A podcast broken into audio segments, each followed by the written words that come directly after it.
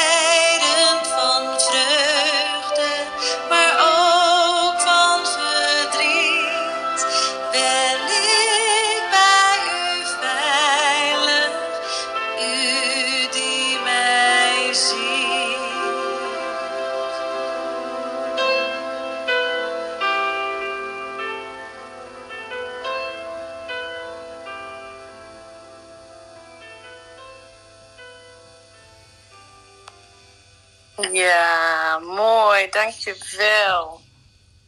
Alsjeblieft. Heel tof. Heel erg bedankt. Heel mooi. Ja, wat mooi, Wendy. Speciaal voor Sarah. Ja. Ja, dankjewel. Speciaal welkom dus voor jou, Sarah Groen.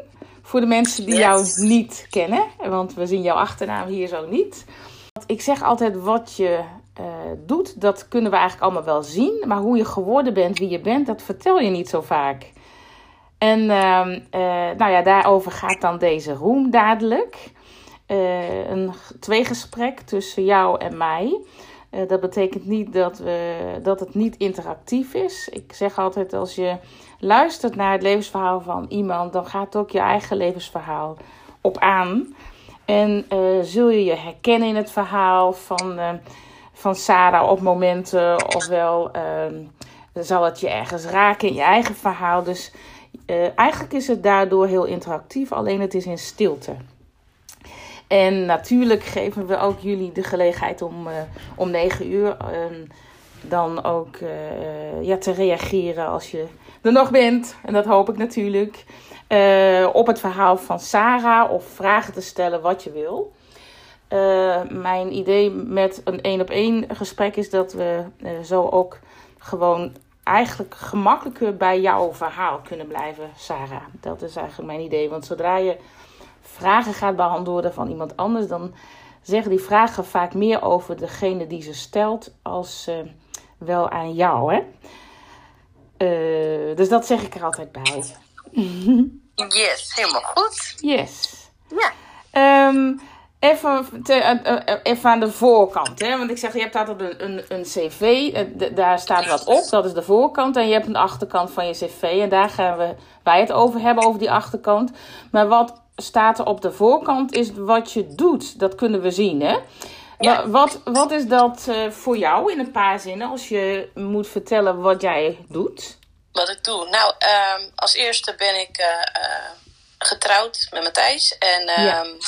Eh, wij vloggen en bloggen over ons leven. Ja. met een, eh, een gehandicapt kind.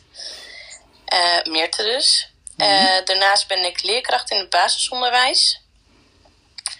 En ehm, eh, heb ik ook een eigen webshop. Ehm, en, en ja, dat doe ik vooral. Mhm. En af en toe mag ik, mag ik wel eens een gast spreken, bijvoorbeeld op een kinderdagverblijf. Of eh, pas geleden voor een groep eh, online voor een groep ergotherapeuten. Eh, en mag ik zo op die manier af en toe ook mijn levensverhaal delen. Of Het, eigenlijk het verhaal dan vaak van, van Meerte. Mhm. Ja. En begreep ik nu ook dat jij juf bent op een basisschool? Of heb ik dat mis? Ja. Ja, toch Klopt. ook wel, hè? Ja. Ja. Ja. Ja. Benieuwd. Want ik heb jou leren kennen eigenlijk in de room van Tom Laagkemper. In de Ja. ochtendroom. En eh, ja, daarin vertel je inderdaad heel vaak over Meerte, jullie dochter. En eh, ja, dat, dat heeft mijn belangstelling en ook eh, wel ertoe bewogen om jou nu hiervoor te vragen. Omdat ik gewoon nieuwsgierig ben naar je leven en hoe je geworden bent wie je bent en waarom je doet wat je doet. Ehm, dus daarover gaat ook zeg maar deze room. Eh, en het lijkt me ook leuk om daarna samen op zoek te gaan naar een beetje de rode draad in je leven. En te kijken naar sleutelmomenten. Misschien ook wel levenslessen van jou. Om uiteindelijk eh, uit te komen natuurlijk bij jouw verlangen en waar het jou in het nu om te doen is. Ja, helemaal goed. Ja, hè? Ja, En- zeker. Voordat we daarmee beginnen, vind ik het eigenlijk altijd wel leuk om iets te vertellen ook over het levensverhaal en over eh, dat wat ik doe. Eh, want dan hoef ik dat later niet meer te doen. Maar ik vind het wel leuk, want dan geeft het een beetje een context ook, hè? Ja, Ehm, een levensverhaal is echt een momentopname. Dus ehm, en dat, dat, daar staat niet altijd iedereen bij stil. Omdat je denkt heel vaak aan een levensverhaal dat je dat doet aan het einde van je leven of zo. Of op een moment. En dat je dan terugkijkt en dat dat dan jouw levensverhaal is. Eh, ja, dat, dat is natuurlijk zo als je dat op het einde van je leven doet. Maar als je dat niet doet, zoals wij nu, dan is het eigenlijk meer een momentopname. En kijk je eigenlijk veel meer naar hoe je op dit moment eh, terugkijkt of kijkt naar waar het jou om, op dit moment om te doen is. Hè? Eh, en dan is het veel meer dat je je eigen persoonlijke ontwikkeling in kaart brengt met een levensverhaal. En dat je veel meer helderheid krijgt over doelen bijvoorbeeld. Of dat je, en of je die bereikt hebt. Of, eh, of je op de goede pad bent. Dat soort dingen. En als je in een volledig traject, want ik ben coach, eh, nou ja, zeg maar zo'n heel, heel volledig traject doet, dan schrijven we eigenlijk je levensverhaal zo dat, je, het, dat die ook een leidraad is voor je toekomst. Dat is eigenlijk best heel bijzonder. Ik ben dus Maria Mazarakis, ik ben zingevingscoach en ik noem mezelf inmiddels ook wel expert op het gebied van levensverhalen omdat ik eigenlijk al zoveel jaar mee bezig ben en dat ook gebruik en mijn eigen methodiek heb ontwikkeld uh, in mijn coaching. Uh, ik ontsteek graag het innerlijk vuur van mensen. Uh, vaak zijn het mensen die in de knoop zitten. Dan kun je soms, ja, soms kun je zo vastzitten dat je in kringetjes blijft draaien. En dan is het eigenlijk zo dat je vastzit in je levensverhaal. En dan is het heel interessant dat een levensverhaal je eigenlijk ook heel gemakkelijk weer uit de knoop haalt door er op een bepaalde manier naar te kijken. En we maken daar vanavond zeg maar een soort start mee. Want ik kan het natuurlijk nooit in één keer in één uurtje doen. Um, en een paar maanden geleden ben ik hier dus mee begonnen op Clubhouse. En eigenlijk is dat vooral omdat levensverhalen mensen ook in verbinding brengen met zichzelf, maar ook eigenlijk met elkaar. Um, we ontmoeten elkaar hier op Clubhouse. En uh, de ene room, daar blijf je wat langer in hangen. En de andere room, daar vlucht je uit weg. Omdat je denkt, oh, dat is niks voor mij. En wat we eigenlijk met elkaar doen, ook continu, en dat is ook gewoon heel menselijk, is dat we heel erg oordelen over onszelf, maar ook over anderen. En wat een levensverhaal doet, is dat als je het levensverhaal van iemand kent, dan haal je eigenlijk al die oordelen ervan af. Uh, dus zelfs als, als mensen in je allergie zitten, dan, dan nog kun je eigenlijk niet anders dan ze lief hebben. Omdat je weet hoe ze gekomen zijn waar ze nu zijn. Dus ja, dat is eigenlijk de reden waarom ik op Clubhouse dit ben gestart. En dus mensen bevraag over hun leven of over hun levensverhaal. En uh, nou ja, vanavond is dat natuurlijk die van jou, Sarah. Ja. Ja, dus welkom. Ja. En fijn dat je ook daarvoor open staat. Zeker. Ja. Um, nou, uh, waar gaan wij beginnen? We beginnen bij jouw uh, ouders en bij je voorouders. Want een levensverhaal begint nooit bij jezelf, maar bij hun. En, uh, want zij geven eigenlijk zo onbewust ook hun drijfveren en hun levenslessen aan jou mee. Die verpakken ze vaak in boodschappen of in normen en waarden, leefregels, dat soort dingen. Dus ik ben heel benieuwd naar jouw thuissituatie van vroeger. Naar je vader en je moeder. Misschien heb je broers en zussen. En ook wat voor boodschappen ze jou meegegeven hebben. Dus ik laat een beetje aan jou over wat je daarover wil vertellen. En ik ga jou gewoon dan bevragen daarover, zoiets. Helemaal goed. Ja. Ja, Ja. ja tof? Ja. Zal ik, ik ga gewoon beginnen. Ja. Nou, ik ben ehm, geboren op 14 september 1987. Ja. Ehm, ik eh, was het eerste in, eh, kind van mijn ouders. Mijn ouders, eh, mijn moeder zit in het onderwijs en mijn vader eh, eh, in de zorg. Ehm, en ze wonen heel klein in Amsterdam, twee kamer appartementje. En ehm, dan moet ik, ja, werd ik geboren. Ik was niet helemaal de eerste kind van mijn ouders. Dat klinkt heel raar. Ehm, want mijn ouders eh, hadden al voor mijn geboorte pleegkinderen. Ah ja. Eh, hadden ze er twee. En dan zijn, zijn ze er eh, een beetje ingerold. Eh mijn moeder zat dus in het onderwijs en ze had een, een leerling. die even, of in ieder geval mijn oma, moet ik zelf zeggen, mijn oma zat ook in het onderwijs. En eh, ja, ze werkte op dezelfde school en er was een leerling en die had even een, een plekje nodig. En ja, die is bij mijn moeder gaan wonen. Eh, en die zijn twee jaar gebleven zo bij mijn ouders, want later is mijn vader ook bij ingetrokken. En toen werd ik eh, geboren Ja. in Amsterdam, Amsterdam Noord. En ehm, ja, ik kan van Amsterdam Noord heel weinig meer herinneren. Ik was twee toen mijn broertje werd geboren. En eh, toen ik vier jaar was, eh, zijn we naar Almere verhuisd, naar Almere Haven. En daar zijn nog twee zusjes bijgekomen. Dus ik ben de oudste van vier kinderen. Ja. Eh, een groot gezin. Ehm, heel fijn. Liefdevol. Ik ben in een buurt opgegroeid waar eh, de hele buurt ook ons wel kende. Eh, het, het, het grote gezin noem ik het maar even. En ehm, Zo stonden jullie ook bekend, Sarah? ja, Ja? ja, Ah, ja. ja, ja, ehm, Ja. En, en sterker nog, mijn ehm, opa en oma, die stonden zelfs ook als opa en oma van de buurt bekend. Oh ja. Dus het was echt eh, komen en gaan van, eh, van, van, van, eh, ja, mensen uit het hofje. Ja, bijzonder hè? Ja, ja, zeker. Ja. En ook toen in die tijd, vanaf eigenlijk vanaf mijn geboorte, hebben mijn ouders al pleegkinderen opgevangen. Wat mooi. Ja. ja. En meer, meer dan één. Eh, veel meer dan één. Oh, echt? Ja. Ja, mijn ouders eh, zijn vorig jaar ermee gestopt. Oké. Eh, na 35 jaar. En we hebben in totaal 70 kinderen een, een- een thuis mogen geven. Wauw. Ja, Dat klinkt als heel veel. dat is het ook. ja. Jeetje zeg. En, en hoe, hoe lang bleven kinderen dan bij jullie? Ehm, in het begin was het altijd, eh, deden we heel erg een, een, een crisisopvang. Ja. Ehm, en dat was dan echt, eh, een kind werd uit huis geplaatst, die werd bij ons geplaatst. En eh, dan is het afwachten tot, ja, eh, er, er- ergens anders een betere plek was, of is, zo moet ik het maar even noemen. Ja. Eh, maar we hebben ook wel pleegkinderen gehad die echt wel eh, zes jaar bij ons gewoond hebben. Ja. Jeetje, en, en eh, als je eh, terugkijkt, eh, met, met hoe... Ja, nou snap ik ook dat grote gezin. precies. ik vond vier ook al wel veel, maar er kwamen nog een paar bij. En Ja.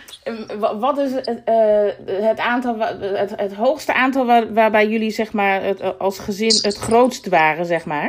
Oh ja, dat waren, volgens mij was het wel vijf pleegkinderen. En jullie erbij, dus acht. Ja, en on, ja, Acht kinderen. ja, Ja. Volgens mij één keertje zelfs zes. Maar ja, ja. klopt. Goh. Hey, kun, kun je iets van je ouders beschrijven? Wat voor mensen waren dat? Ja, Hoe, hoe zou je hun karakteriseren? ehm, liefde. ja, dat is één woord wat me kan herinneren. Liefde. Ze zijn altijd ook mensen geweest die ehm, opkomen voor de medemens. Mm waar ook mensen bijvoorbeeld in de buurt wonen die, die het wat minder hadden. Of waarvan de buurt dacht, oh helle, wat zijn dit voor types. Ehm, maar dat wij wel die kinderen wel eens opvangen. Ehm, juist omdat wij dat, daar dan ook wel een soort nood zagen. Mhm. en altijd bezige bijtjes. Mijn, vader werkte vrij uh, veel. Die werkte vooral s'nachts toen. bij een bloedbank. Mijn, moeder was er dan overdag. Mm of in ieder geval, die, die werkte dan overdag. Dus mijn vader die uh, haalde ons bijvoorbeeld op van school en bracht of, uh, ons dan weer naar mijn moeders school. Uh, beide ook gewoon muzikaal. We zongen altijd veel liedjes met elkaar aan tafel, na tafel. Ehm, ik ben dus in een christelijk gezin opge opgegroeid. Mm -hmm. dus mijn ouders deden ook vrij veel vrijwilligerswerk binnen de kerk bijvoorbeeld. Mm -hmm ja, dus altijd wel, wel bezig en, en mhm. voor mensen zorgen. Mhm. En hebben jouw uh, ouders ook specifieke kenmerken die hun apart ook kenmerkt, zeg maar? Uh, ja, nou ja. Ik, mijn, mijn, mijn moeder is wel uh, uh, een doortastend persoon, laat maar zeggen. Die kan, die kan best wel soms pittig zijn en, en best wel bot uit de hoek komen, soms. Mhm. Eh, eh, heel direct. Mijn vader ook wel, maar die is iets uh, lieflijker, om het zo maar te zeggen. Naar, naar ons als kinderen. Wij wisten donders goed bij wie we wel of niet wat moesten flikken, om het zo maar te zeggen. Oh ja, tuurlijk. En bij wie we op bepaalde dingen terecht konden. ja, als we een snoepje of zo gingen sneller naar mijn vader bijvoorbeeld, dan naar mijn moeder. Weet je, dat soort dingetjes. Mhm. Maar wilde ik een, een goed gesprek over financiën, zeg maar wat, dan ging ik naar mijn moeder toe. Uh, Of over onderwijs. Uh, wilde ik een gesprek over uh, geloofskwestie, weet ik veel wat. Dan ging ik met mijn vader in gesprek. Ah ja, je wist gewoon bij wie je waarmee ja, moest zijn of zo. Ja, bij wie ik wat kan halen, ja. om het zo maar te zeggen. Ja, ja. wat mooi. Ja. Hey, en als je kijkt naar beide ouders, op wie, wat heb jij van hun meegekregen? Oh, ik, eh, van mijn vader het chaotische. Dus mm super chaotisch. Dat heb ik van mijn vader. En um, van mijn moeder heb ik toch wel de genen uh, gekregen van het onderwijs. Mm Ja, ja. Ja. Ja, bijzonder. Hey, en als je terugkijkt, hè, en misschien ervaar je het nu nog steeds wel. Wat voor boodschappen heb jij van jouw ouders meegekregen? Nou, bij ons stond uh, openheid altijd heel erg centraal. Mhm. Ehm, en dat alles gezegd kan en mocht worden. Uh, toevallig hadden we het van de week hadden we met mijn ouders erover. En uh, die zeiden ook altijd: Ja, weet je, het maakt me niet uit wat je doet. Uh, je moet zelf maar tegen de lamp lopen. Mm maar als je iets doet, als je gaat roken, als je weet ik veel wat, drugs wil gebruiken, joints, weet ik veel wat, laat het ons in ieder geval dan weten. Mm hè, dat je het gebruikt, weet je, dat moet je zelf weten. Maar we vinden het wel fijn dat wij er vanaf weten. Dat is het enige. Mhm. En alles was ook bespreekbaar bij mijn ouders. En, en, uh, en ja, het gezin ging wel echt wel altijd voor. Voor soms de pleegkinderen. Dat, dat weet ik ook nog wel. Ja, in welke zin? Um, dat mijn ouders altijd heel belangrijk vinden dat, dat je eerst voor je eigen kinderen gezin moet zorgen voordat je ook goed voor iemand anders kan zorgen. Mm Zolang je goed voor jezelf kan zorgen, kun je er ook voor iemand anders zijn. Als je dat niet doet, kan je het ook niet voor een ander zijn. En dan, als het met je eigen kind niet goed gaat, dan kan je ook niet voor een ander kind goed zorgen. Dan moet je eerst het voor, voor je eigen kind goed doen. Goed mhm. oplossen, bijvoorbeeld. Mm Bijzonder, hè? Nee, eigenlijk is het niet bijzonder, maar het is wel bijzonder in, de, in, die, in deze context. Ja. Ja. Ja. En ook wel heel mooi dat dat, dat gewoon heel duidelijk uh, was en, en is. Ja. ja, en nog steeds eigenlijk. Ja. Ja. ja. ja. Bijzonder. Hoe, hoe, hoe kijk jij uh, daarop terug? Hoe was dat voor jou bijvoorbeeld uh, met, met, met, met zo, nou, zoveel pleegkinderen zoals het bij jullie thuis was? Ja, er zaten zeker hele heftige momenten tussen, absoluut. Ehm, we hebben wel eens gehad dat, dat, dat pleegkinderen bijvoorbeeld eh, geld bij ons hadden gestolen. Van ons kinderen, laten we zeggen, van mijn broers en zussen. Eh, en dan mijn ouders zoiets hadden van, nou, eh, dit willen we niet hebben, dit gaat gewoon te ver, want dat gaat ook ten koste van ons gezin. Eh, maar dat wij als kinderen bijvoorbeeld zeiden van, ja, maar pap, mam, eh, deze persoon verdient ook een tweede kans. Ah, Eh, dat. Eh, Ja. Maar ja, wij hadden ook gewoon echt wel, wel, wel regelmatig ruzies. Ik had natuurlijk eh, mijn jongste zusje, die, eh, daar verschil ik negen jaar mee. En eh, ik was toen tiener. Toen kwamen dus ook andere tieners in huis. En ik had dan de afspraak met mijn ouders dat ik moest vragen of ik mijn zusje dan eh, mocht optillen of niet, of dat soort dingen. En zij mochten dat zomaar. Ja, dat, daar, daar kon ik dan slecht tegen. Ja. Tegen dat, eh, ja. ja. Maar het heeft, het heeft me ook veel lessen geleerd, omdat je toch. ehm, ik weet natuurlijk dat het ook in andere gezinnen heel heftig kan zijn. En als je dat al vanaf kind meekrijgt, dat het niet alleen maar een perfect plaatje is. En dat je toch heel veel van de maatschappij meekrijgt op die manier, denk je dat dat, dat heeft wel meerwaarde. Nou, nou inderdaad. En ook denk ik wel van, goh, de, de samenstelling van jullie gezin wijzigde dus heel vaak. Als Ja. als je 70 bent. Hoe, hoe, wat, wat heb je daar... eh, hoe was dat voor jou? Ja, weet je, ehm, ik denk dat het een, een verschil maakt of je ermee opgegroeid bent zoals ik. En dat je vanaf jongs af aan niet beter weet. Ja. dat, dat het zo gaat, of was. Ehm, of dat je eh, dat, dat er kinderen zijn en waarvan de ouders pas later eh, pleegkinderen nemen. Ik denk dat daar wel een heel groot verschil in zit. Ehm, ik, ik, ik heb het altijd als, of in ieder geval altijd, ehm, als, als fijn misschien wel ervaren. Ehm, ik weet dat mijn jongere zusje het niet altijd fijn vond. Die zich echt wel t- er tegenaf heeft gezet van alles. En ik, ik later, eh, ik heb zelfs wel eens eh, in een soort panel gezeten voor, voor mensen die pleegouders wilden worden. En eh, dat iemand, en ik had net verkering, dus met, met Matthijs, met mijn man. En dat iemand zei van, zou jij zelf later pleegkinderen willen? Toen heb ik gezegd, nou ja, misschien wel, geen idee. En dat iemand dus tegen Matthijs zei van, nou, je kan nog terug, hè? Zo Ja. van, pas op met wat je zegt. Ja. Ja, en voor hem was het natuurlijk ook anders. Hij, hij is natuurlijk ook erbij gekomen toen, we- met, toen we dat hadden. Ja. Eh, en, en, en hij vond het in het begin wel heel raar en heel, heel ja, best lastig en ingewikkeld om ermee om te gaan. En bij ons was het iets heel normaals. Want vertel eens hoe, hoe, hoe eh, als, je, als je dat kunt en zo op die manier terug kunt kijken, hoe, hoe, hoe, hoe verhoud je je dan, zeg maar, tot, eh, eh, ja, tot, tot de nieuwe kinderen die dan komen? Hoe, hoe doe je dat als kind? Hoe heb je dat gedaan? Ja, Weet weet je je, ehm, eh, het zijn niet mijn eigen broers en zussen. En zo heb ik het al niet beschouwd, want zij, zij hebben hun eigen ouders, hebben hun eigen eventuele andere familieleden. Dus Ja. het waren mijn broers en zussen niet. Tuurlijk ga je, wel, ga je gewoon wel met ze om en, en ehm, met de ene heb je een sterkere band dan met de ander. Dat is gewoon een feit, omdat je daar een connectie mee, mee hebt. Eh, maar ik weet wel dat wij toen ook begeleiding altijd kregen van, eh, van andere mensen. eh, van pleegzorg bijvoorbeeld. Die dan regelmatig vroegen hoe het met ons ging. Of we het nog zien zitten.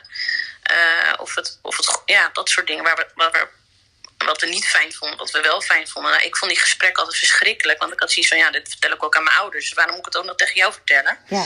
Omdat we juist zo open zijn. Ehm, want dat is ook belangrijk. Als het niet goed gaat, dan gaat het niet goed. En dan is er ook, dat hebben we ook gehad van jongens, dit gaat niet goed. Dat gaat ten koste van ons gezin. Ehm, sorry. Ja. En dat is heel heftig. Ehm, maar we wisten ook bij pleegzorg, stonden we ook bekend van als ze bij de familie Kuiper dan, hè, mijn meisjesnaam niet konden wonen. Dan, ehm, dan, dan is het in geen enkel gezin mogelijk om op die manier een goed veilige plek te hebben. Dat is ook bijzonder, zeg. Hè? Ja, Dat is dat, dat, wel. Ja. ja, ja, toch? Dat is wel heel bijzonder. En als je dat zo vertelt over, ehm, eh, hè, eerst van, eh, ja, bij ons thuis, eh, waren we al, was gewoon heel open. We, we hadden het overal over. Nu, nu we weten van ook dat, dat jullie zoveel pleegkinderen ehm, hadden, of waar jullie mee samenleefden, dan, is het, dat, dan kan het eigenlijk ook niet anders. Je moet wel. Dat moet wel, ja. Ja. Anders, En we hadden wel tussen, ja, we hadden wel tussen pleegkinderen door dat we echt wel, als we eh, een hele sterke band hadden met een pleegkind, Ja. bijvoorbeeld. Ja. Ehm, en een pleegkind ging weer weg, hebben we wel gezegd, nou we willen nu, we willen nu gewoon even, even geen pleegkinderen. Ah ja, ja. En dat konden we ook zeggen. Dus het, het was niet dat we altijd, altijd pleegkinderen hadden. Want vaak in vakanties wilden mijn ouders gewoon met ons alleen op vakantie. Dan waren er in principe geen pleegkinderen bij. Ja, ja. Ja, bijzonder. De keuzes die jouw ouders maakten daarin. Heel, Ja. be- heel bewust lijkt. In ieder geval Ja. zo hoort het. Heel, heel bewust. eh, ja, en, en liefdevol. Ja, klopt. Ja, bijzonder, hè? Ja. Oké. Oh, wat fijn. Ehm, ik ga even naar de room. Eh, welkom iedereen die hier in de room is. Eh, ik bevraag Sarah Groen over haar leven. We hebben eigenlijk net gesproken over haar thuis. En ja, de thuissituatie, daar staan we eigenlijk nooit zo heel erg bij stil. Maar eh, als je je hele leven eh, een beetje zo terugkijkt, dan is dat echt de basis. Van waaruit je voortkomt en eigenlijk ook wel heel veel wat je meeneemt je leven in. Waar je eigenlijk niet zo vaak bewust van bent. Maar eh, bijzonder om dat van jou zo te horen, Sarah. ja, dankjewel. Ja. Ja. Ehm, het, het lijkt me mooi om een overstap te maken naar sleutelmomenten. eh, waarbij eh, sleutelmomenten voor mij staan voor ja, belangrijke of betekenisvolle momenten. En dat kunnen kleine of wel grotere dingen zijn. Soms zijn ze op het moment, hoeven ze ook niet betekenisvol te voelen. En kunnen ze dat pas nu zijn. Weet je, als je nu terugkijkt, dat je denkt: oh, dat was er wel één. En toen heb ik me dat helemaal niet gerealiseerd. Dus, en dan hoef ik ze niet volledig allemaal te hebben, maar gewoon, nou, wat, wat is de, de eerste en de, de, de eerste ook in je leven, als je daaraan terugdenkt, het eerste sleutelmoment, wat zo bij je boven komt? Nou, de allereerste is denk ik de brugklas. Ja? Hè, ik denk dat het sleutelmoment, nou ja, een van de sleutelmomenten is natuurlijk het opgroeien in een, in een pleeggezin. Hè, als, Ja. Kind van, van pleegouders. Maar ik denk het tweede, mijn, mijn brugklasperiode is geweest, eh, omdat ik die als eh, eh, zeer heftig heb ervaren. Ehm, ehm, omdat ik in de eerste twee brugklasjaren heel erg gepest ben. Oké. Eh, en dat heeft me deels natuurlijk wel gemaakt tot de persoon die ik nu ben. Ja. En ehm, wat wil je delen waar, waar, waarvoor je gepest bent? Eh, zeker. Ehm, ehm, het ik heb het vermoeden. ehm, ik, ik had vriendinnen van de, van de basisschool die meegingen ook naar eh, de middelbare school. En vaak, als je tiener bent, ga je toch ook eh, vaak veranderen. Hè? Je gaat soms ook wel gewoon een rol aannemen. door wie je zou willen zijn. Maar ik ben iemand geweest die nooit een rol heeft aangenomen, om het zo maar te zeggen, maar die altijd zichzelf is gebleven. Ik hoefde niet bij een clubje per se te horen. Ik hoefde niet, niet ergens anders te zijn. Ehm, en, en ik denk dat onder andere daardoor mensen ook wel een beetje de pik op mij kregen. Ehm, daarnaast eh, had, was ik, zat, zat ik al eh, qua hormonen deels al, ehm, al op jonge leeftijd al wat in de puberteit. En toen ik een jaar of dertien eh, was, eh, kreeg ik ook eh, helaas wat haargroei in mijn gezicht. Ehm, wat later een, een hormonale afwijking blijkt te zijn. Ehm, dus ik was in die zin ook gewoon, gewoon anders dan anders. Ik, ik had, mijn leven was, was met mijn ouders, met de pleegkinderen. Mijn leven was ehm, de kerk waar ik naartoe ging. Ehm, en, en dat was niet het leven van alle andere kinderen uit mijn klas. het, Ehm, was niet, het was niet standaard of zo. Wat, ook wat je zegt, dat grote gezin waar, waar, waar, Ja. hè, waar jullie uitkwamen. Maar ook wel bijzonder om te horen dat je eigenlijk niet jezelf mocht zijn.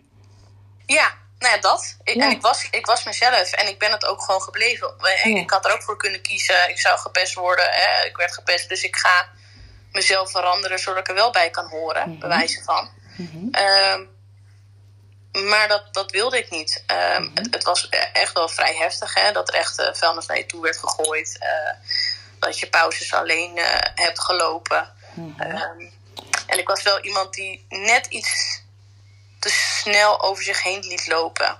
Mhm. Ehm, die dan niet zomaar een, een, ergens voor op durfde te komen. Kun je nu zeggen als, als volwassene? Ja, Ja. ja, ja. We- ja. weet je nog- Toevallig dit weekend ook met mijn ouders over gehad, over die periode. Dus dat is wel toevallig. ja. Ja. Weet je ook ehm, hoe, hoe dat voor jou, hoe, hoe voelde dat voor jou toen op dat moment? Ik Als voelde me op dat moment heel alleen. Ja. Ik voelde me heel alleen. Ik, ik, had, ik had wel vriendinnen. Mhm. eh, eh, buiten mijn school om. Ja. Eh, maar ook daar verwaarde, verwaarde het wat. Omdat zij naar andere scholen gingen. Ehm, dus ik voelde me echt eh, ik voelde me behoorlijk alleen. Ook al hè, groei je op dan in een groot gezin. Je voelt je, voelt je, hè, je, hebt, je hebt wel die vriendschappen nodig. ja. Eh, dus je was heel kwetsbaar eh, en alleen. Wat dat, ja. En als je het dan hebt over alleen voelen, hè? want in, in principe als je er nu als volwassene naar kijkt, dan, dan gaat het dus niet over mensen om je heen hebben. Hè? Maar, eh, want die, die had je dan wel. De- Ja. ja? Dus Ja. waar ging dat alleen zijn dan over? Ja, weet je, voornamelijk als je op school bent, hè. eh, eh, alleen in de pauze eten. Ja. In, in, aan een tafel. Als er vriendinnen die zeggen, of in ieder geval vriendinnen, wat je dan dacht dat je vriendinnen zouden zijn. ehm, die dan zeggen, oh, we gaan in de kleine pauze even daar en daarheen. Eh, naar, de, naar de opsteker. Dat was dan een, een, een, eh, een winkeltje waar je snoepjes en dat soort dingen kan, kon kopen. Zo. Eh, we spreken daar dan naar af. En dat je daar staat en er is niemand. Ja, oh wat naar, ja. Ja, Ja. ja, Ja. Oh, dat is gewoon echt naar. ja, Ja. ja, ja, Ja. ja. zeker. En voornamelijk als je dan eh, met je ouders dan eh, op gesprek komt bij de, ehm, bij de mentor en dit aangeeft. En hij zegt, ja, dat hoort erbij, het zijn tieners. Die Ja, zoeken een weg, dat hoort Ja. erbij. ja. Die heeft het anderhalf jaar lang geroepen. Ah. Hoe kijk je daar nu als volwassene op terug? Nou, toen was het zeker heftig. Maar wat ik zeg, ik, ik, eh, ik wil niet zeggen dat ik dankbaar voor ben dat ik het mee heb gemaakt. Mhm. Want dat, je gunt het niemand. Ehm, maar ik ben daar wel, daardoor wel wat eh, harder geworden. En ik durf daardoor wel sneller eh, mijn grenzen aan te geven. Of ergens waar ik niet mee eens ben. Mhm. Het, geeft mij, het heeft mij denk ik wel een soort stu- stukje vechtlust gegeven, denk ik. Mhm. Tegen, tegen onrecht. Mhm. Ja. Dat heeft je in ieder geval ook een soort van stem gegeven. eh, wellicht ook. Ja, ja en, het, en het hele misschien ironische aan het verhaal nog is eh, dat ik eh, ging trouwen en eh op mezelf ging wonen. Nou ja, op mezelf samen ging wonen. Mhm. En dat ik erachter kwam dat een van degenen die in de brugklas zat, een van de pesters, laat maar zeggen, de verdieping boven mij woonde. En een van de anderen een verdieping lager. Echt. Ja, Ah. En toen? ja. Eh, gewoon gedag gezegd. Ja. En dan denk ik, ja, weet je, het waren het inderdaad toen ook tieners, net als ik. Ja. Ehm, en zij konden er misschien op dat moment ook niks aan doen. Je weet het niet. Nee. Je weet het niet. Nee, je weet het niet. Nee, nee. Nou, bijzonder. Hey, Ja. ehm, jeetje. Ehm, we kunnen het helemaal uitdiepen, maar dat gaan we niet doen. Nee. nee. Nee, want ehm, ja, weet je, ik vind het leuk om een paar eh, van dat soort, nou niet van dat soort, maar een paar sleutelmomenten op een rij eh, te hebben gewoon van jou. Zodat we gewoon op die manier ook je beter leren kennen. Dus Ja. wat is dan, wat zou, wat is nog een zo'n sleutel, niet, wat is ook een sleutelmoment voor je geweest? Ehm, eh, dat is eh, denk ik ook mijn reis eh, die ik twee keer heb mogen doen naar de Filipijnen. Oké, vertel. Ja, over bezige bijtjes gesproken, nee hoor. nee, ik ben als 17-jarige ben ik met een groep van, van jongvolwassen mensen binnen onze kerk dan eh, op reis geweest naar de Filipijnen om daar ontwikkelingswerk te doen. Ehm, ik heb daar kinderen mogen zien eh, die daar op een vuilnisbelt werken. Mhm. Eh, en ik heb ze een glimlach op hun, eh, op hun gezicht mogen toveren door een, eh, een clownsact te doen. Oh. Ik hoefde alleen maar mijn rode neus op te zetten. En dat ging dan over eh, voor de ander zorgen. Ehm, eh, het verhaal van een barmhartige Samaritaan, om het zo te zeggen. Iemand die, waarvan je eigenlijk helemaal niks van af weet. Maar dat je die juist, juist gaat helpen. Om, eh, om een, op een helpende hand te zijn. Ehm, en dat heeft mij wel eh, een stuk volwassener gemaakt. Want ik, het was maar drie weken. En ik weet eh, als, nog als de dag van gisteren dat mijn ouders tegen me zeiden toen ze mij gingen ophalen van het vliegveld. dat ze bij de eerste blik al zagen dat ik een stuk volwassener was geworden. En dat er een andere Sarah, wel Sarah die nog steeds zichzelf was, maar die een, een hele ervaring rijker was. Ehm, en het mooiste was nog, ik, ik, gingen altijd op, eh, naar, naar de camping kamperen. En ik eh, hield er niet zo heel erg van om, om te douchen op de camping. En, en met gordijntjes en, en onhandig gedoe. En dat mijn ouders erg verbaasd waren dat ik eh, gewoon toen ik zodra we de camping opkwamen, ik ging meteen weer op vakantie, dat ik naar de douche rende Ja, van de camping. Ja, maar ja, omdat ik daar natuurlijk gezien had wat, ja, eh, hoe het ook kan. hoe het ook kan. ja. Ja. Want als je zegt van wat voor ervaring, hè, dat je een belangrijke ervaring daar hebt op, wat, wat, wat is de ervaring in jouw eigen beleving van toen? Dus toen Ja. je kind wat, wat- die je daar hebt opgedaan? Dankbaar zijn voor wat Ja. je hebt. Dankbaar. Ja. Dankbaar zijn voor wat je hebt. Hoe klein het ook is. Mhm. ik, ik, ik deelde stickertjes eruit. Ik heb toen ooit, ik, ik heb hem niet meer helaas, maar ik heb toen zelfs eh, een gedicht geschreven. Ik schreef toen regelmatig gedichten. Mhm. En toen schreef ik een gedicht over eh, hoe, hoe blij je met iets kleins kan zijn. Ja. Ja, ja, bijzonder hè?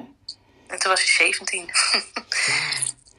Want wat, wat, wat, wa- waar, waar, als jij dan terugdenkt, waar, waar was jouw, waar, wat maakte jou dankbaar? Echt? Wat, wat was dat kleine voor jou? nou ja, dat voorbeeld als je een kind eh, blij ziet met een sticker. Dat je denkt van... In Nederland geven kinderen niet altijd meer om, een- om een sticker als je die, daar een kind mee beloont. Sommige kinderen wel, maar dat, dit zijn dan al bijvoorbeeld al tieners. Ehm, een dankbaarheid van een, van een vader. Eh, een- nou ja, een, een ouder. Ik, ik we gingen ook naar een ziekenhuis toen. Er lag een kindje met een eh, infuusje die ernaast lag. Eh, dus niet, het kindje was niet aangesloten. En er waren andere ouders en die zeiden: ja, deze ouders die, eh, kunnen de medicijnen niet, meer- niet meer betalen. En ja, wij, wij troosten dit, dit babytje af en toe maar, omdat de ouders er niet, niet kunnen zijn. En nou, dat, dat greep me zo erg aan. Ehm, en het ging dan om, om een bewijs van een infuusje met, met paracetamol. Eh, die wij gewoon hier in. in, in, in- ja. dan heb ik maar voor een week heb ik de medicijnen betaald. Als, Ja. als 17-jarige. ja, En wat was ik kwijt? ja, 10, 10 euro? Ik weet niet. ja, ja, Ja. ja. Goh, bijzondere ervaring zeg. Ja. En- wat maakte dat je daar ook heen ging hè, als zevenjarige? Of 17 bedoel ik. Ehm, Ja. Ja, het was met kennissen van Ja, ons. ja. Die, eh, die daar ehm, een sponsorproject doen. Dus kinderen sponsoren. Mhm. Ehm, wat wij, eh, Matthijs en ik nu ook nog steeds doen. Vanuit datzelfde project. We zijn er ook nog samen geweest. Ja. Geen idee. Het was een kans, denk ik. En ik dacht, ja, die moet ik misschien aangrijpen eh, om uit mijn comfortzone te stappen. Ik was, eh, als kind had ik altijd wel heel erg heimwee. Ja. Ehm, en, en, en nu ging ik gewoon. En eh, het was mijn eerste, mijn eerste vliegreis ook nog van mijn leven. 12 uur. Ja. En eh, ja, ik was gelukkig omringd door, door kennissen, eh, eh, wat vrienden en, eh, en hele fijne mensen. En denk, ja, weet je, ik, ik moet, dit, is, dit is de kans van mijn leven. Ik moet het gewoon nu doen, want je weet nooit of, of die kans ooit nog gaat komen. Nee. Wat wijs, hè? Ja, Ja. ja. Was je een wijs kind? Ehm, Of een wijze jong volwassene? Dat denk ik wel. En ik denk dat het gewoon te maken heeft met de levenservaring. Dat, wij al natuurlijk al heel veel kinderen en, en, en een groot gezin hebben op, zijn opgegroeid. Ik ben natuurlijk de oudste van vier kinderen geweest, plus alle nog pleegkinderen. Ja. Eh, zelfstandigheid leer je snel. Ja. Wat dat betreft. Ehm, ik, ja, dus ik denk dat over, over dat soort zaken die, die in de wereld speelden, misschien wel een redelijk wijs kind was. Ja, gewoon al, al vroeg meegekregen Ja. dat, dat, het niet, dat je het niet zomaar krijgt ook. Juist, ja, Ja. klopt. Ja, bijzonder. Wat is nog meer een belangrijk sleutelmoment voor je geweest die zo oplopt? Ja, dat is natuurlijk eh, mijn man. Ja, Ja, ja want dat is eh, tegelijk. Die, die, we kregen verkering eh, in het jaar dat ik dus voor het eerst naar de Filipijnen ging. ja. De voor of de na? Eh, nee, daarvoor. Oh ja. Ja, daarvoor. Ja. Ja, ja. En het mooie is, eh, we kennen elkaar dus al vanaf kinds af aan. En wij redden dan het, het kerkterrein op in een grote busje. Welbekende busje voor, voor vele vrienden en familie dus. En hij vond het altijd heel interessant, eh, dat busje en de mensen die eruit kwamen. Ja, Nou, dat waren wij dus. ja, En nu eh, zijn wij komend jaar eh, elf jaar getrouwd.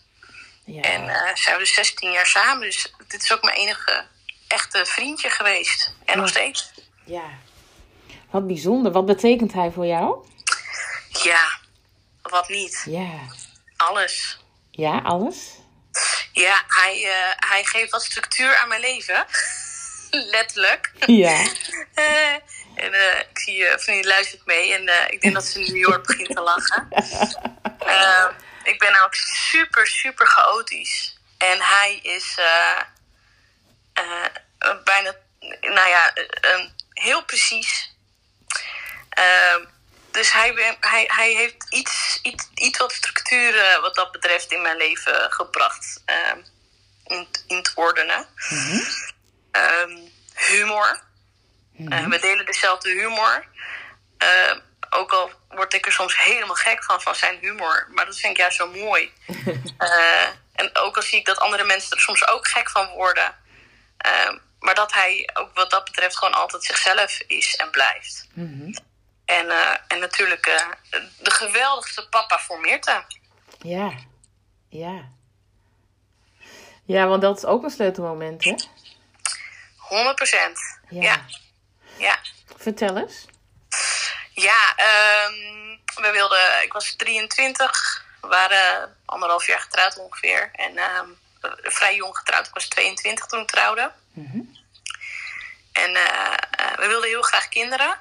Ehm, nou, we zijn ervoor gegaan. Helaas eh, bleek dat ik heel moeilijk zwanger kan worden, kon worden. Ehm, toen zijn we de fertiliteit eh, traject ingegaan eh, met hormonen slikken uiteindelijk, eh, na het net starten van hormonen, bleek ik toch spontaan in verwachting te zijn van Meerte. En eh, heel dankbaar natuurlijk dat het toch nog op de natuurlijke manier gelukt was. En eh, nou, een hele, hele goede, goede zwangerschap gehad. Ehm, niks bijzonders, niks geks. Eh, de bevalling was, eh, eh, ik ben wel ingeleid. Ehm, op 4 mei dodendenking 12, eh, 2012. En eh 5 mei was ik dan ingeleid en s s'avonds om kwart voor 11 ehm, was Meerte geboren. Een klein, schattig, eh, echt, echt heel klein babytje.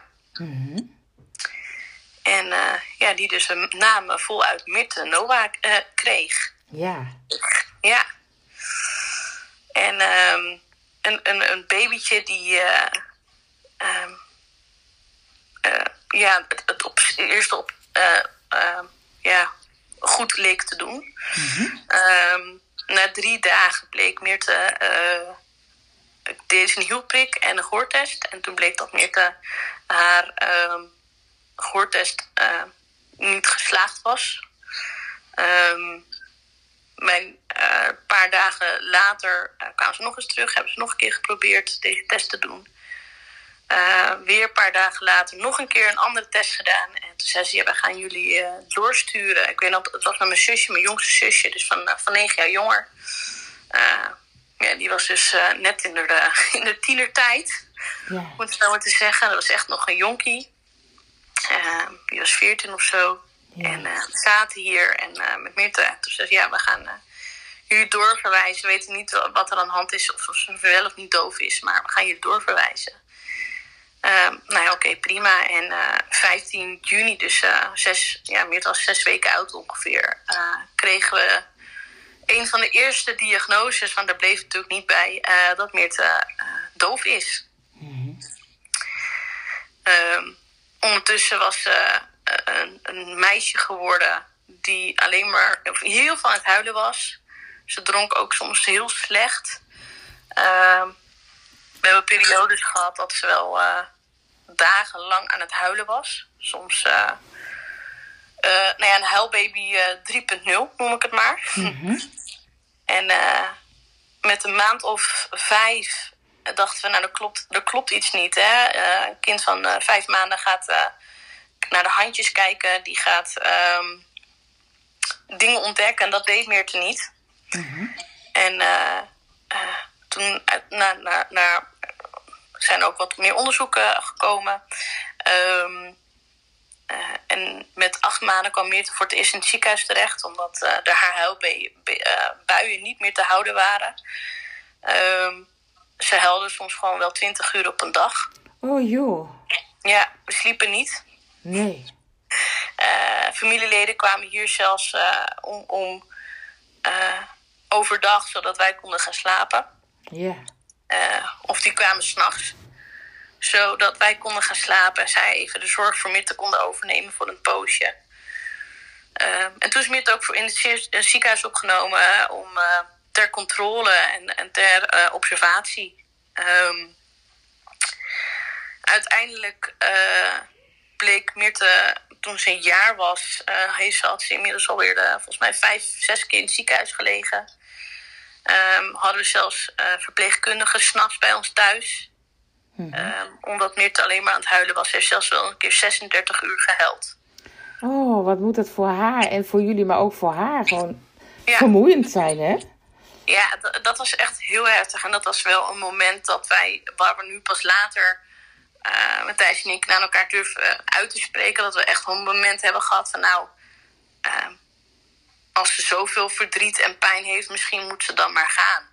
Ja. Uh, dat, dat, dat, dat, dat hebben we wel gedacht. Mm-hmm. Uh, gelukkig is er nog steeds. ja. Um, ja, dat zijn wel de, de meest heftige uh, dingen die we mee hebben gemaakt. En, en nou ja, later bleek ze dus ook blind te zijn. dus en doof en blind. zonder voeding had ze al toen ze een jaar was. Ehm Ehm, ja, en ik kwam in een malle molen. Um, omdat ze toch merkten van nou, er klopt iets niet. En ze hebben zes jaar lang gezocht naar een diagnose voor Mirte waarom ze dus meervoudig gehandicapt is. Um, ernstig meervoudig gehandicapt. Um, en dat hebben ze niet kunnen vinden. Nieuwste onderzoeken. Ze hebben 20.000 genen nagekeken. In, dat was toen, Mirte was een van de eerste kinderen uh, in 2014 die meedeed aan dat uh, onderzoek. Mm.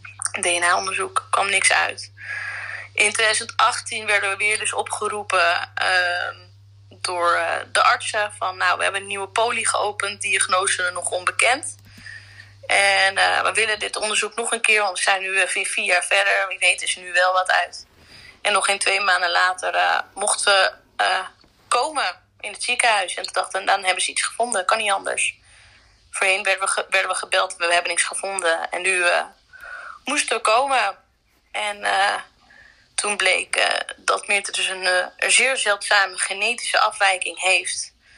En dat Matthijs en ik allebei drager daarvan zijn. En alleen doordat je allebei drager bent, kan deze, en je allebei het foute gen hebt doorgegeven, kan je kind dus deze ernstige beperkingen hebben.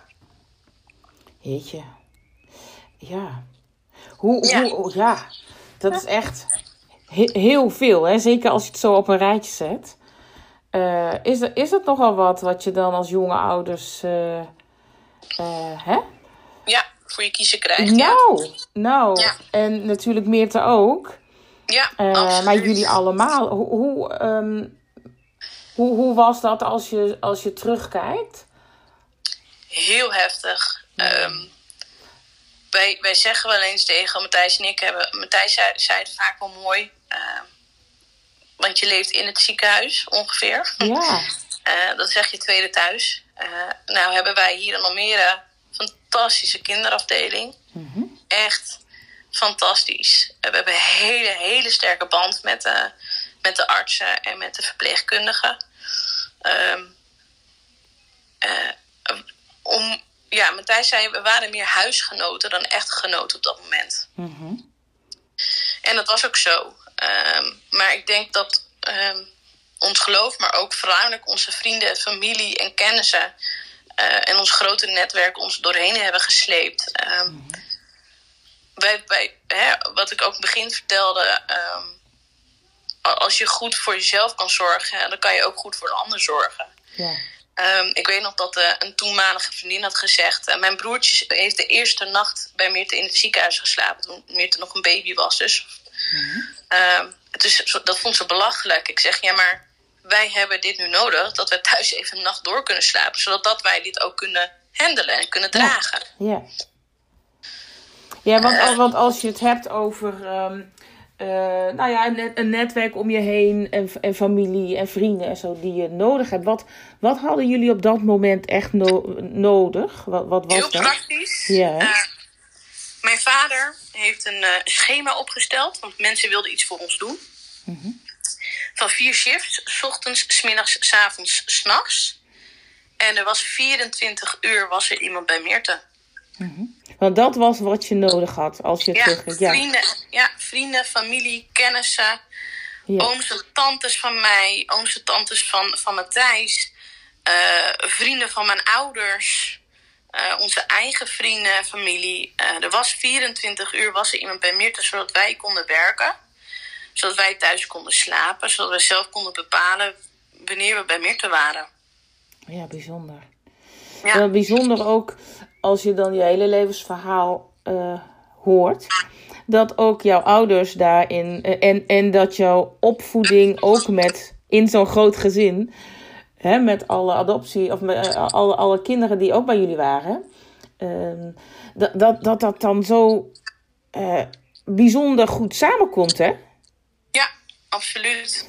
Want Ja. al- al- stel dat je dat niet had gehad, ik zeg niet dat je het dan niet had, ge- dat je het dan niet had gekregen, maar het, vergemak, het vergemakkelijkt het wel, denk ik, of niet? Eh, zeker, absoluut. En, en, ik, en ik besef me heel goed dat ik. dat wij een, een, een zo'n bijzondere band met elkaar allemaal hebben. En hebben gehad. Of hebben eigenlijk. En ik besef me heel goed dat er maar heel weinig mensen zijn. ehm, die ook zo'n netwerk hebben. ehm, om, om dit soort dingen te kunnen opvangen. Ja. Ja, Ja. Nou, ja, ja, precies. Nou ja, in ieder geval, jullie hebben het wel. En, eh, Ja. en, en dat is wel, ja, heel bijzonder. Ja Lijkt, in ieder geval als je er zo als buitenstaander naar kijkt, hè? Ja, Dan, ja, eh, de denk je, goh, wat bijzonder zeg dat jullie Ja. dat zo als een heel groot, echt een immens groot team eh, oppakken. En dat je je dan zo gedragen voelt door iedereen. Precies, ja, klopt. Ja, heel bijzonder. Ja. Goh, en, en, en ehm, want dit zouden we ook nog, nog verder uit kunnen diepen. Eh, maar he- he- heb jij nog een sleutelmoment die hier ook nakomt? Die je wel wil delen? Mm, nou, ik denk dat Mirte toch wel het grootste sleutelmoment in ons leven is. Mhm. wat dat betreft. Die alles, wat alles bij elkaar. ehm, ehm, Ja, maar als je, als je kleinere Brengt. dingen daar mogelijk uitpakt. Ja, nou ja, weet je, ehm, ik, ik denk misschien wel het, eh, het- nou ja, misschien het grootste sleutelmoment is toch eh, het starten met, met de blog en vloggen. Ja. Ja, En op die manier eh, onze visie en kijk op de wereld te delen. En op die manier te laten zien dat het leven, eh, hoe heftig het ook kan zijn, Wa- wa- Wat maakt dat, je daar, dat jij en jullie daarmee begonnen zijn? Nou, we zijn ooit begonnen in die, in die ziekenhuisperiode met het schrijven van nieuwsbrieven voor, voor familie en vrienden. Om, Ja. eh, toen waren er nog geen WhatsApp-groepjes. Nee. Die bestonden toen, toen nog niet. Maar we wilden wel familie en vrienden op de hoogte houden. En om iedereen persoonlijk op de hoogte te houden, dat, dat was geen doen. Eh, dus we maakten een nieuwsbrief en, eh, en, en, en gingen die eh, verzenden naar, de, naar belangstellenden. Eh, later ben ik om mijn ei eh, kwijt te kunnen. eh, vroeger schreef ik al wel, wel wat verhaaltjes en gedichten. Eh, maar ben ik ook gaan bloggen over wat wij, wij meemaakten. Omdat ik merkte dat dat ook een stukje verwerking was voor ons. Eh, totdat iemand ooit zei, maar is vloggen dan ook niet iets voor jullie? En eh, we keken elkaar aan, Matthijs en ik. En dacht, nou we gaan het gewoon proberen. Ja. En eh, ja, omdat we ook merkten dat, eh, dat de wereld eh, nog steeds, dat er nog steeds een soort taboe is rondom, eh, laat ik me heel breed zeggen, mensen met een beperking. Die vaak toch als eh, gezielig gezien eh, worden. Ja. Eh, eng, naar, het hoort er niet bij, het is niet normaal, het is niet gewoon. Ja, waarbij je ook zegt, dat heb ik gelezen hoor, van mensen hebben daar ook, ook snel een vooroordeel op en weten Ja. eigenlijk helemaal niet hoe, hoe, je, de, hoe, hoe je nou, om moet gaan. Omdat, dat is eigenlijk hun eigen onvermogen. Ehm, waardoor ze eigenlijk onbekend mee zijn, hè? Ja, klopt. Ja, ja. Ja, bijzonder. Echt mooi dat jullie dat doen. dankjewel. Ja. En wat levert het, eh, wat levert het op? Oh, het levert echt heel veel op. Ja? Ja.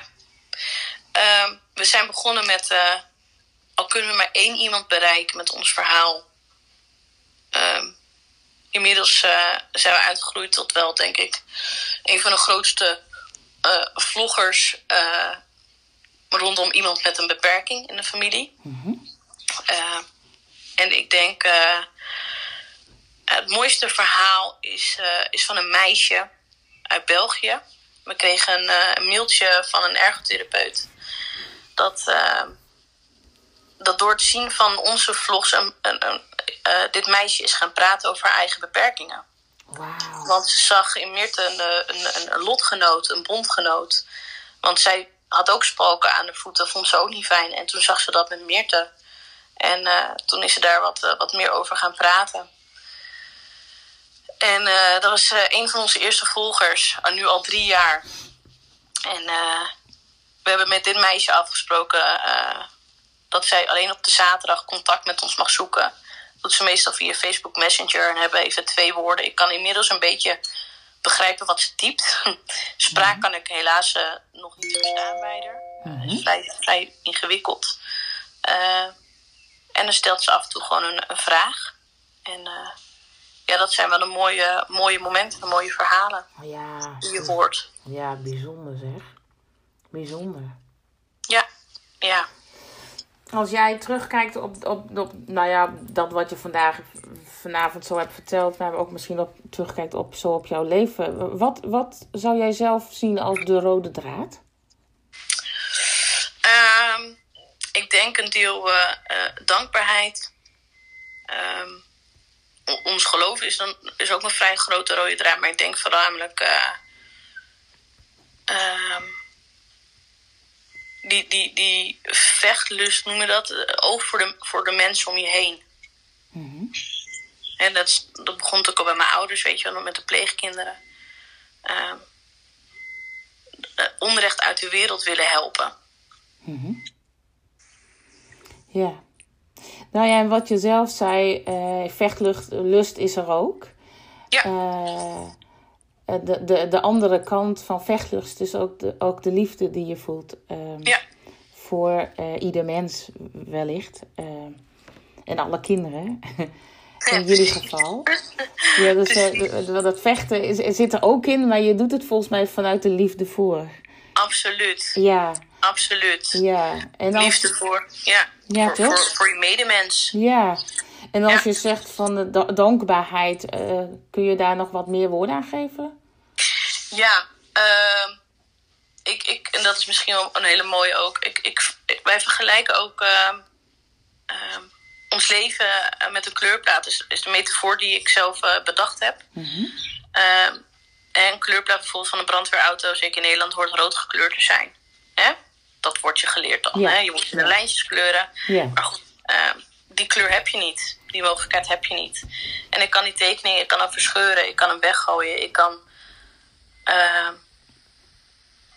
ja, bij de pakken neer gaan zitten. Maar ik kan ook kijken naar wat ik wel heb.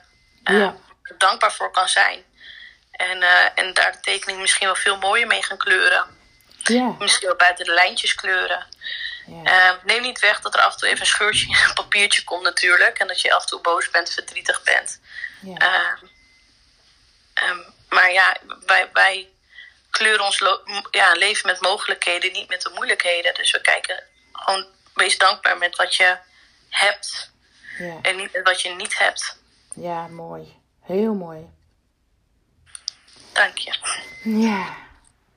Hey, wat is het levensadvies wat jij meegeeft aan eh, nou, misschien wel andere kinderen? Ja, vooral dat. Hè, wees, het, eh, ja, Ja. wees blij, geniet van de kleine dingen, van de kleine momenten. Ehm, hoe klein ze misschien ook zijn, maar probeer, hè, al is het maar de wind buiten of de zon, hè, zeker voor kinderen die dan in moeilijke situaties zijn.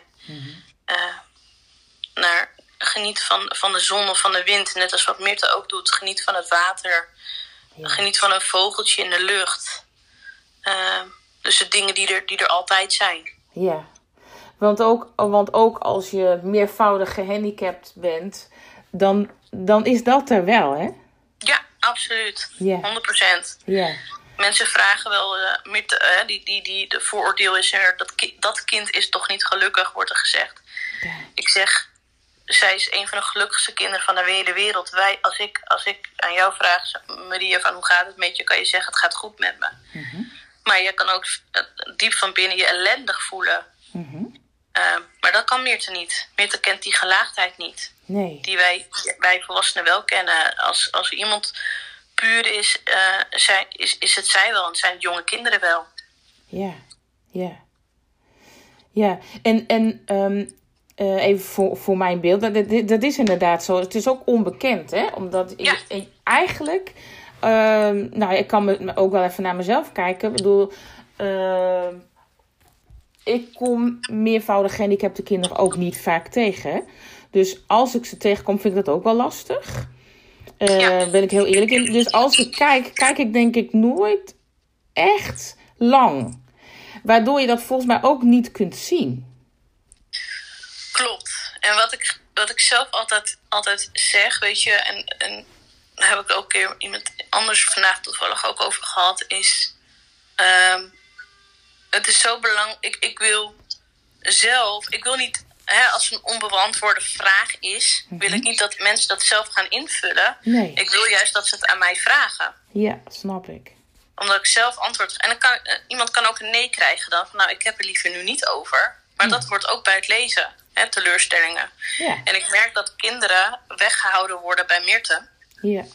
Van, "Sst, mag je niet vragen, mag je niet zeggen. Nee. Ehm, ik zeg maar, ik wil juist de mensen vragen. En ik had er daar laatst met mijn schoonmoeder ook een, eh, een, een, een, een soort discussie over.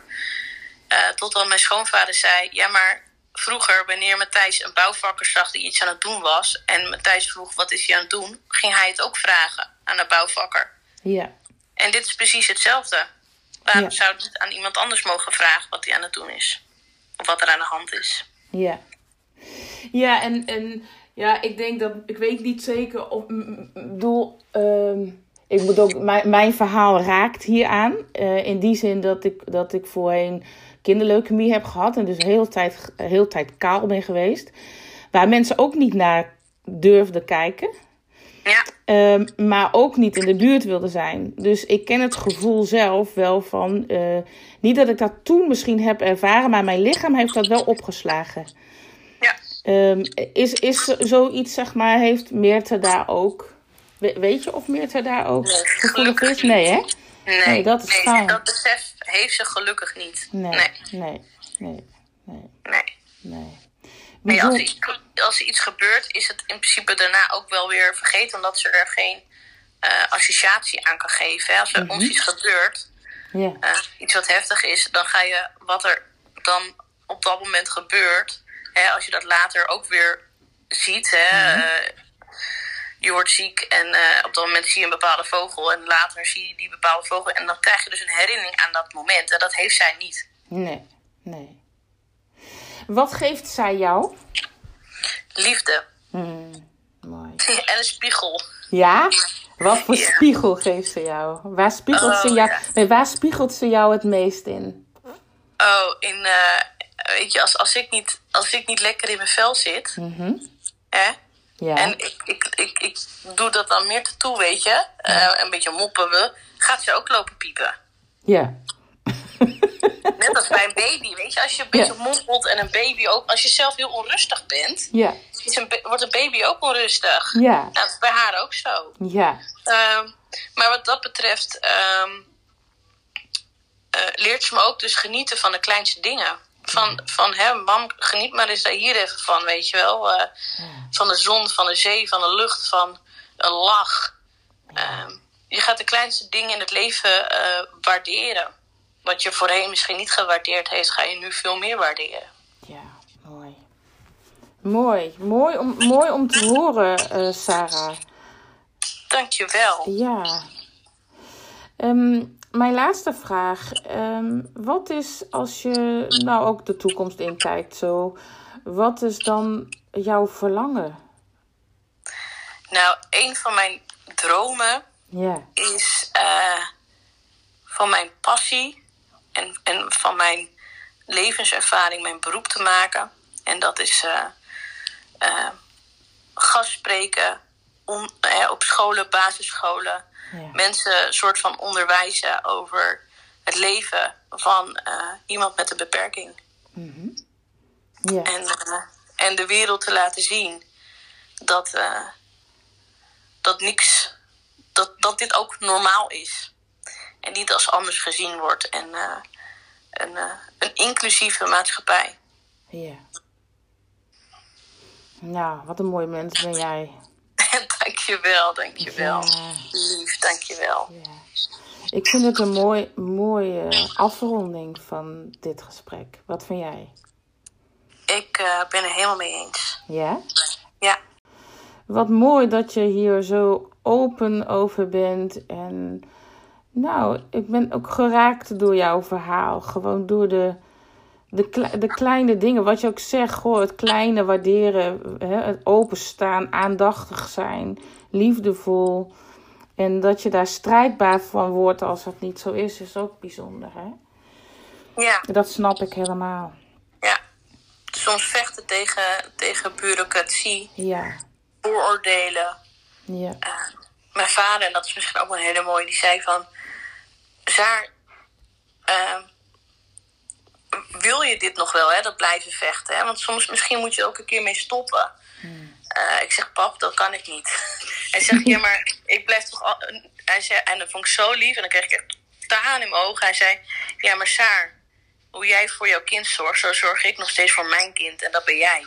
ja, ja. ja. Ik zeg, daar heeft hij gelijk in. Ja. Nou ja, en wat ik ook, wat, het, het, het, de- het woord strijd, en hij ziet je natuurlijk ook strijden, en eh, misschien viel ik daar net ook over, dat ik dacht, joh, die strijd, dat, dat doe je, maar dat doe je eigenlijk vooral vanuit liefde. En dan is het niet strijd tegen, maar strijden voor. En dat is wel, en dat is wel, dat vind ik, ja, dat is, dat is wel een mo- mooie energie ook wel, toch? Ja, absoluut, absoluut. Ja. Zeker. Heel mooi. Volg Mindy, want die heeft echt prachtige rooms. Ook met muziek en levensverhalen en de combi daarvan. Op maandag om 8 uur, geloof ik, in Mindy. Ja, Music Matter. Mindy die heeft, eh, die gaat nog een mooi nummer voor, want voor jou zingen, vooral Sarah. Ja. En eh, oh, zo mooi, Mindy. Ik, ehm, Ja, jij hebt hem al gehoord. ja, daarom. Jij hebt hem al gehoord. Daarom. En ehm, Ik weet het. Nou ja, ik heb het nog Sarah- niet gehoord van jou.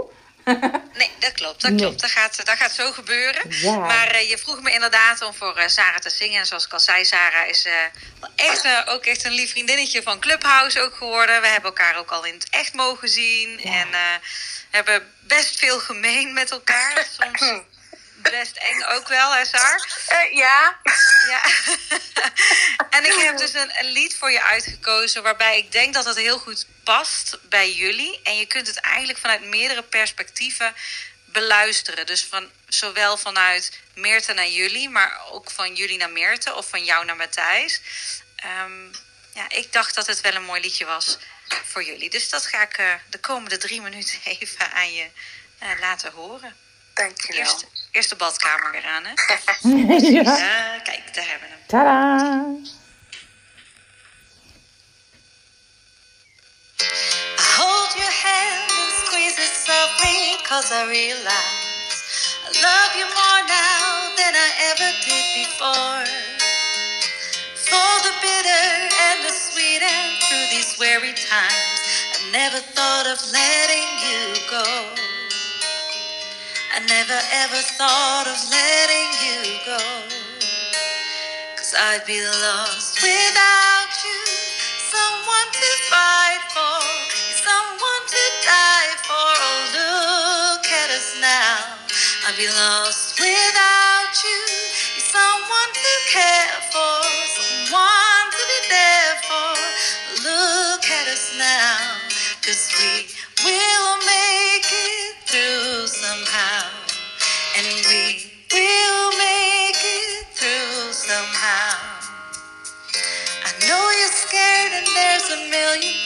to worry about I know you're tired and you're afraid of what you'll dream And you can yell at me, be mad at me, just cry it out I never thought of letting you go no, I never thought of letting you go. I'd be lost without you. You're someone to fight for, someone to die for. Oh, look. I'd be lost without you. Someone to care for, someone to be there for. Look at us now. And we will make it through somehow. And we will make it through somehow. Just let me hold your hand through night and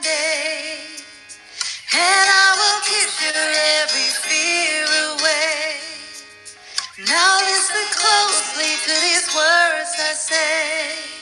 I never thought of letting you go. I never ever thought of letting you go. I'd be lost without you. Someone to fight for, someone to die for. Oh, look at us now. Lost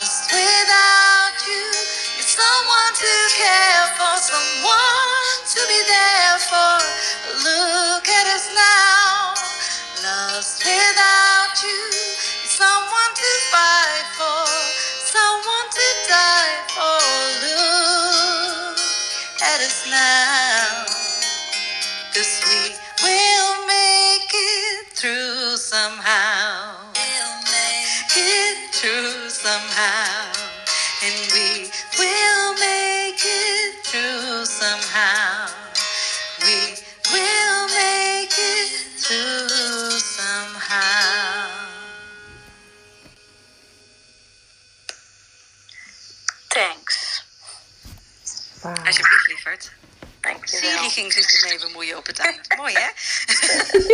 Viel niet op, viel niet op. Nee, maar niet uit. Dat was een eh, dramatic pause. Nee, alsjeblieft, voor jou.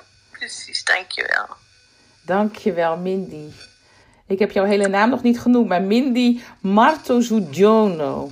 Heel mooi, Maria, wat goed. Goed, hè? Ja hoor. Tien punten. Hoe was dit voor jou, Sarah? Zo jouw verhaal doen. En Ja, alles ik- daarna. Precies, ik doe natuurlijk wel vaker mijn verhaal, maar dit is dan toch weer anders. En, en, en ik vind het zo mooi en het raakt me dan ook wat dan Gadisha zegt, weet je. En wat ik natuurlijk helemaal aan het begin heb gezegd, al is er maar één iemand die ik met mijn verhaal eh, kan, kan, kan raken met, met iets, hoe dan ook, dan ben ik al heel blij. Dus eh, ja, daar zijn geen woorden verder voor. Nee. Dankbaar. Ja.